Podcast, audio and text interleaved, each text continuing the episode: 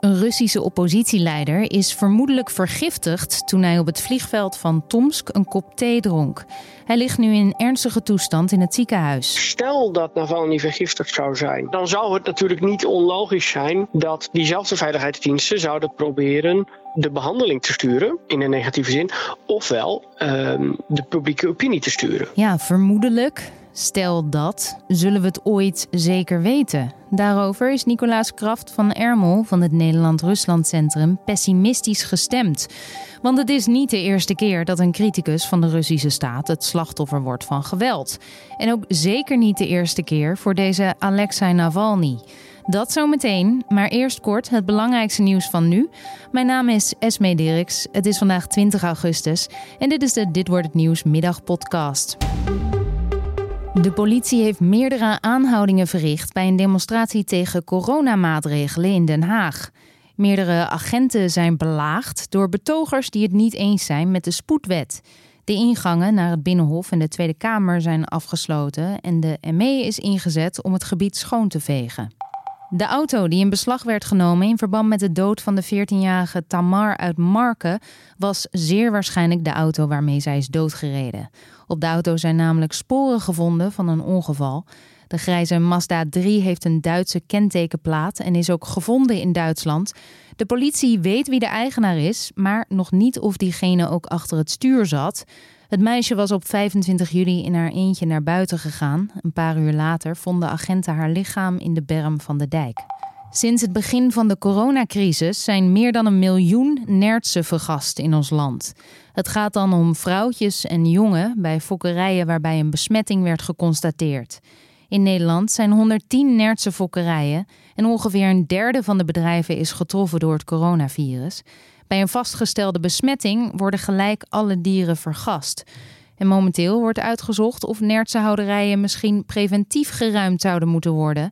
Dat is een optie als er zich eind augustus nog steeds nieuwe besmettingen voordoen. Per 2024 is nertsenfokkerij trouwens verboden in Nederland.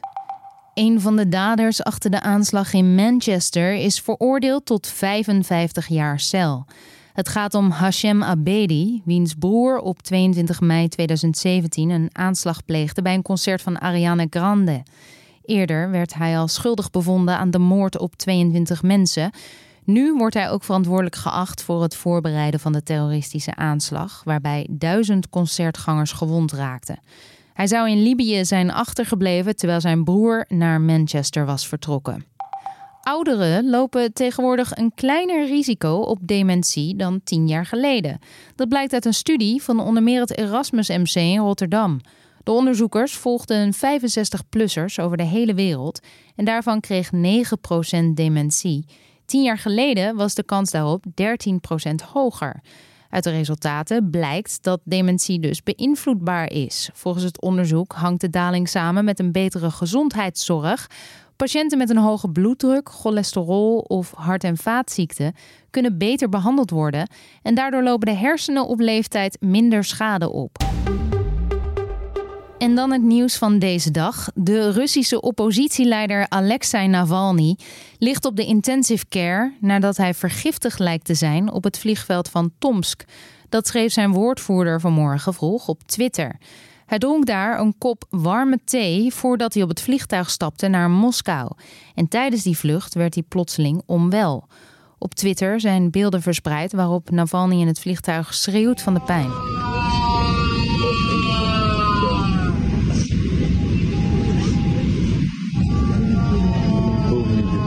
Ja, het vliegtuig maakte een noodlanding en daarna is hij met spoed afgevoerd per ambulance naar een ziekenhuis. Of er daadwerkelijk gif zat in zijn drankje moet nog blijken.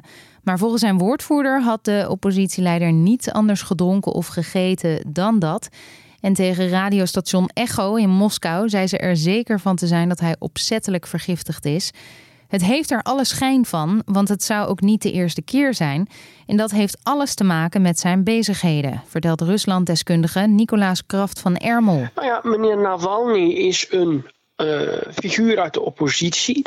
Meneer Navalny is iemand die uh, ja, vooral corruptienetwerken rondom de verwevenheid van uh, zaken en politiek in Rusland, die absoluut niet uit is om er het beste voor Rusland van te maken, maar wel in sommige opzichten het beste van voor hun eigen portemonnee. En Navalny ontmaskert, dat, dat, is, dat is zijn core business, ontmaskert hoe dat soort netwerken opereren, hoe dat in elkaar steekt. Uh, hoe de politici er garen bij spinnen, hoe de zakenlui er garen bij spinnen. En dat wordt niet leuk gevonden door de macht. Dus uh, ja, als jij zelf profiteert van corruptie, dan zou ik bang worden van een figuur als Navalny. En hij ligt nu dus uh, in ernstige toestand in een ziekenhuis in Omsk. Um, zijn woordvoerder zei dat de dokters in eerste instantie bereid waren om uh, informatie te geven over zijn toestand. Maar later plots zeiden dat uh, de rapporten, de toxicologie-rapporten, vertraging hebben opgelopen.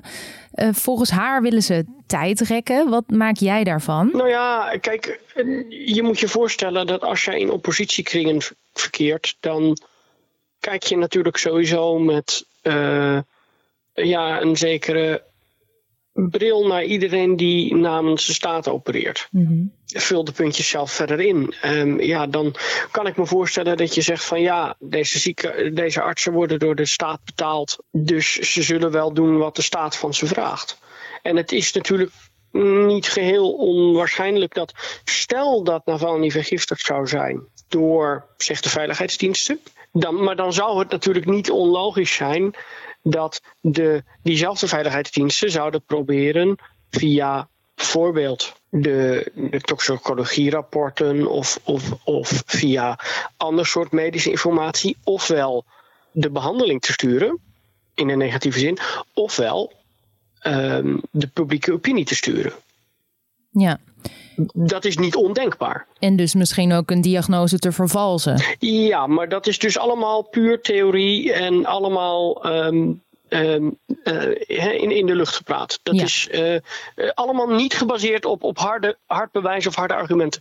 Maar dat zou wel een logisch verhaal zijn. Ja, het zijn allemaal vermoedens uh, op dit moment. Wat schrijven de Russische media er nu over? Nou, de media die ik heb gezien eerder vandaag schrijven eigenlijk niet heel veel anders dan wat ik, wat ik hier in Nederland in de media heb gelezen. Hij is vergiftigd. Of uh, laat ik zo zeggen, hij is onwel geworden op een vliegtuig. De kringen rondom Navalny zeggen dat er sprake is van vergiftiging. Die, dat zou hebben gezeten in de thee. Daarna een noodlanding gemaakt naar het ziekenhuis afgevoerd, waar die nu in kritieke toestand ligt. Dat is, dat is gewoon het, het zakelijke verhaal wat je leest. Ja, en nog uh, uh, met de voorzichtigheid die op dit moment uh, geboden is. Ja, ik heb er wel ook wel, maar dan, dan, hè, dan, dat zegt ook iets over de, de Russische media waar ik dan naar heb gekeken.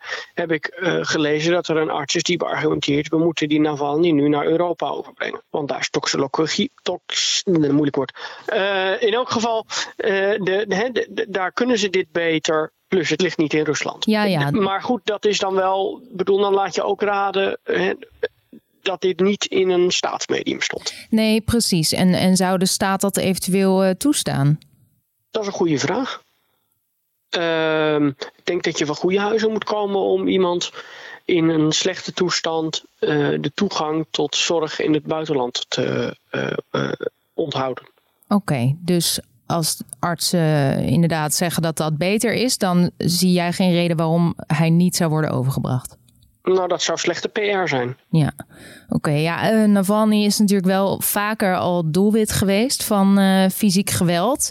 Um, ook uh, vaak opgepakt geweest, in de gevangenis gezeten. Daar ook al mogelijk een keer vergiftigd. Is daar eigenlijk ooit opheldering over gekomen? Of kun je dat eigenlijk gewoon niet verwachten in Rusland? Nou, dat is heel moeilijk. Uh, als je, je kunt het veel breder trekken. Hè? Mensen met een kritisch geluid in Rusland lopen een groot risico om in lijf en leden uh, uh, geschaad te worden. Um, er zijn er een aantal zijn daadwerkelijk uh, gedood. Er zijn er een aantal aangevallen. Er zijn een aantal vergiftigd. Um, waarbij lang niet altijd boven water komt hoe dat nou precies, eh, hoe de vork precies in de, in de steel zit. Mm. Maar kan daar wel, wordt daar dan wel onderzoek naar gedaan? Of Of gebeurt dit zo vaak en zo structureel dat, dat eigenlijk de hoop dat dat zin heeft al snel wordt opgegeven? Ja, stel nou dat het de staat is. Gaat het Openbaar Ministerie dan eerlijk onderzoek doen? Mm bedoel, als, als het de staat is, is het niet waarschijnlijk dat daar een, uh, een, een, een, een fatsoenlijk onderzoek wordt gevoerd waar daadwerkelijk iets uitkomt. Ja. En ook als het zakenlieden zouden zijn die tegen de staat aanhangen, is dat ook niet heel waarschijnlijk. Tenzij hè, de machtsverhoudingen veranderen in, het, uh, uh, in, het, in, de, in de Russische politiek. Dat, dat gebeurt zo af en toe wel. Dan zou het wel eens kunnen gebeuren dat er dan wel iets gebeurt. Qua onderzoek en uitkomsten. Maar je zegt dat gebeurt af en toe wel. Wat bedoel je dan? Nou ja, kijk, het Russische politieke bestel is heel onderzichtig. Hè? Maar daar worden machtsspelletjes gespeeld. Tussen verschillende klieks, zakenlieden, politici, uh, militairen. En zeg maar, daar verandert wel eens wat in de verhoudingen. Mm Als er dan net iets is gebeurd waarbij een, een hinderpaal van zakenman X of Y aangevallen is geweest, of, of erger, uh, en die zakenman X of Y die raakt een beetje verder van de macht af, dan is het niet om, heel raar om te zeggen van, nou, misschien uh, komt er nu opeens wel iets uit een onderzoek. Maar dan moet je hem ook maar weer afvragen of die uitkomsten uh, iets, echt iets voorstellen, iets inhoudelijks voorstellen. Ja. Ja, nou in, in, in zo'n um, in zo'n klimaat, in zo'n politiek klimaat, heeft deze Navalny een uh, enorm lange adem. Hij heeft, hij heeft al een deel van zijn zicht verloren door een, door een aanval met een uh, giftig middel. Um, zo vaak opgepakt. Zijn gezinsleden lijden er ook onder. Uh, wat, wat brengt dit nou teweeg? Kan dit ook het begin weer zijn van, van verandering? Nou ja, kijk, om te beginnen, je nek uitsteken in Rusland betekent gewoon risico's lopen. Dat is, dat is een, een gegeven. Maar we moeten ons ook realiseren dat. Uh, kijk, Navalny heeft een, een zekere aantal mensen die je nou ja, volgers zou kunnen noemen, of uh, eh, aanhangers, mensen die wat hij doet waarderen enzovoort. Maar dat is niet een hele grote groep. Dat zijn kleine groepen mensen. Um, dus je, nee. Um, je moet je niet voorstellen dat uh, als Navalny nu nou zou komen te overlijden, dat er direct heel veel gaat veranderen. Wat, um, wat hopeloos. Um, Want wat valt er nou te doen tegen die, die macht van Poetin? Je, kijk, er is een heleboel te doen, maar het valt in staat bij een samenleving die opstaat en zegt: nu is het genoeg geweest. En dat zie ik in Rusland niet 1, 2, 3 gebeuren. Wat is er voor nodig om dat wel te laten gebeuren? Uh, heel concreet, nog meer economische misère. Oh ja? Als mensen het zelf gaan voelen? Exact. Uh, want Poetin heeft zijn machtspositie gebaseerd op een aantal pijlers. Ik breng veiligheid, dat is één. Pijler twee is uh, ik zorg ervoor dat het economisch goed gaat. En drie is, ik zorg dat Rusland een, een grootmacht is die internationaal gewaardeerd wordt zoals die moet gewaardeerd worden. Die economische pijler die begint al, die is, die behoorlijk wankel. En als het nou economisch nog slechter zit, eh, nog slechter gaat, en ja, de kans dat dat gaat gebeuren is natuurlijk aanwezig in het huidige tijdsgevricht. Kijk, dan gaan mensen dingen voelen in hun portemonnee. En dat was nou juist wat Poetin had beloofd dat niet zou gebeuren. En ja, ik weet niet of hij dat nog lang kan volhouden. Oké. Maar 1, 2, 3 een verandering, dat, uh, daar geloof Absoluut jij niet, in? Nee, nee, nee. nee. Uh, ik ben daar vrij pessimistisch in. En ja, laten we hopen dat Navalny het overleeft. Um, het is heel naargeestig om te zeggen, maar stel dat hij komt te overlijden. Staan er dan andere oppositieleden te springen om dat stokje van hem over te nemen? Of gaat dit ook de tegenwerking waar hij mee te maken heeft, heeft dit ook effect op, op uh, nou ja, de daadkracht van tegenstanders van de Russische macht? Nou ja, als Navalny nu wegvalt, dan is een heel duidelijk toonaangevend ander geluid valt weg. Daar is niet 1, 2, 3 vervanging voor. Dat wil niet zeggen dat het er nooit kan komen. er is ook een tijd geweest voordat Navalny er was en toen was Navalny er. Ik bedoel, hè? Uh, maar het is niet dat je, dat je zomaar mensen uit, je, uit, een, uh, uit een rij kunt plukken uh, van dit is de volgende. Oké, okay. dus dan heeft het wel succes, die tegenwerking. Ja, vooropgesteld dat we niet weten of de staat hierachter zit. Hè, dat we eigenlijk helemaal niks weten. Ehm, het vergiftigingsscenario is op zich waarschijnlijk. Alleen wie zit erachter? De staat? Zakenlui? Geen idee. Dat was Ruslanddeskundige Nicolaas Kraft van Ermel.